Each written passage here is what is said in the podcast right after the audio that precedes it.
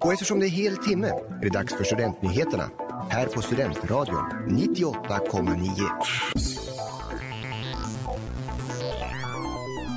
Uppsala-lektor i ny expertgrupp i EU.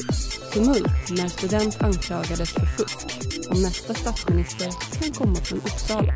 Det här är veckans nyheter. Thomas Nygren, universitetslektor vid institutionen för pedagogik, didaktik och utbildningsstudier vid Uppsala universitet har utsetts till medlem i EUs nya arbetsgrupp mot desinformation. Gruppen ska jobba för att ta fram riktlinjer för lärare gällande digital kompetens som en del av utbildningen. Digital kompetens innebär här bland annat källkritik och att kunna identifiera och hantera desinformation.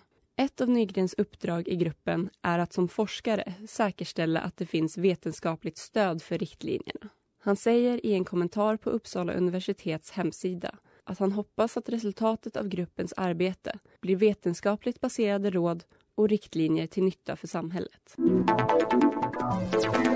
Tumult uppstod på en salstenta i oktober när en student anklagades för fusk. Det rapporterar Ergo. Åsikterna går isär om vad som egentligen hände. Studenten har en version och tentamensvakterna en annan. Tentamensvakterna ska ha sett studenten sitta med en telefon i knät i slutet av skrivningstiden. När de konfronterade studenten om detta ska hon ha blivit arg och skrikit att de skämde ut henne. Hon bad också om att kroppsvisiteras för att bevisa att hon inte hade någon telefon på sig, vilket inte gjordes. Studenten menar att hon sen visade att hennes telefon låg i skåpet medan tentamensvakterna hävdar att det inte fanns någon telefon i skåpet. Vad som egentligen hände kommer nu att utredas av rektor eller disciplinnämnd.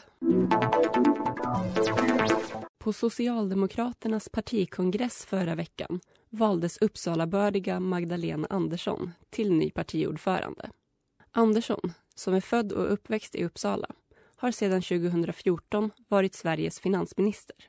Enligt SVT Nyheter väntas hennes föregångare på ordförandeposten, Stefan Löfven, under denna vecka lämna in sin begäran om entledigande som statsminister till riksdagens talman.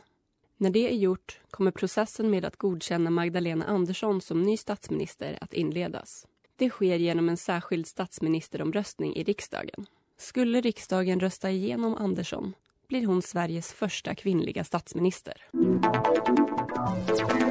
Du har lyssnat på nyheterna i Studentradion 98,9 med mig, Amanda Jansson.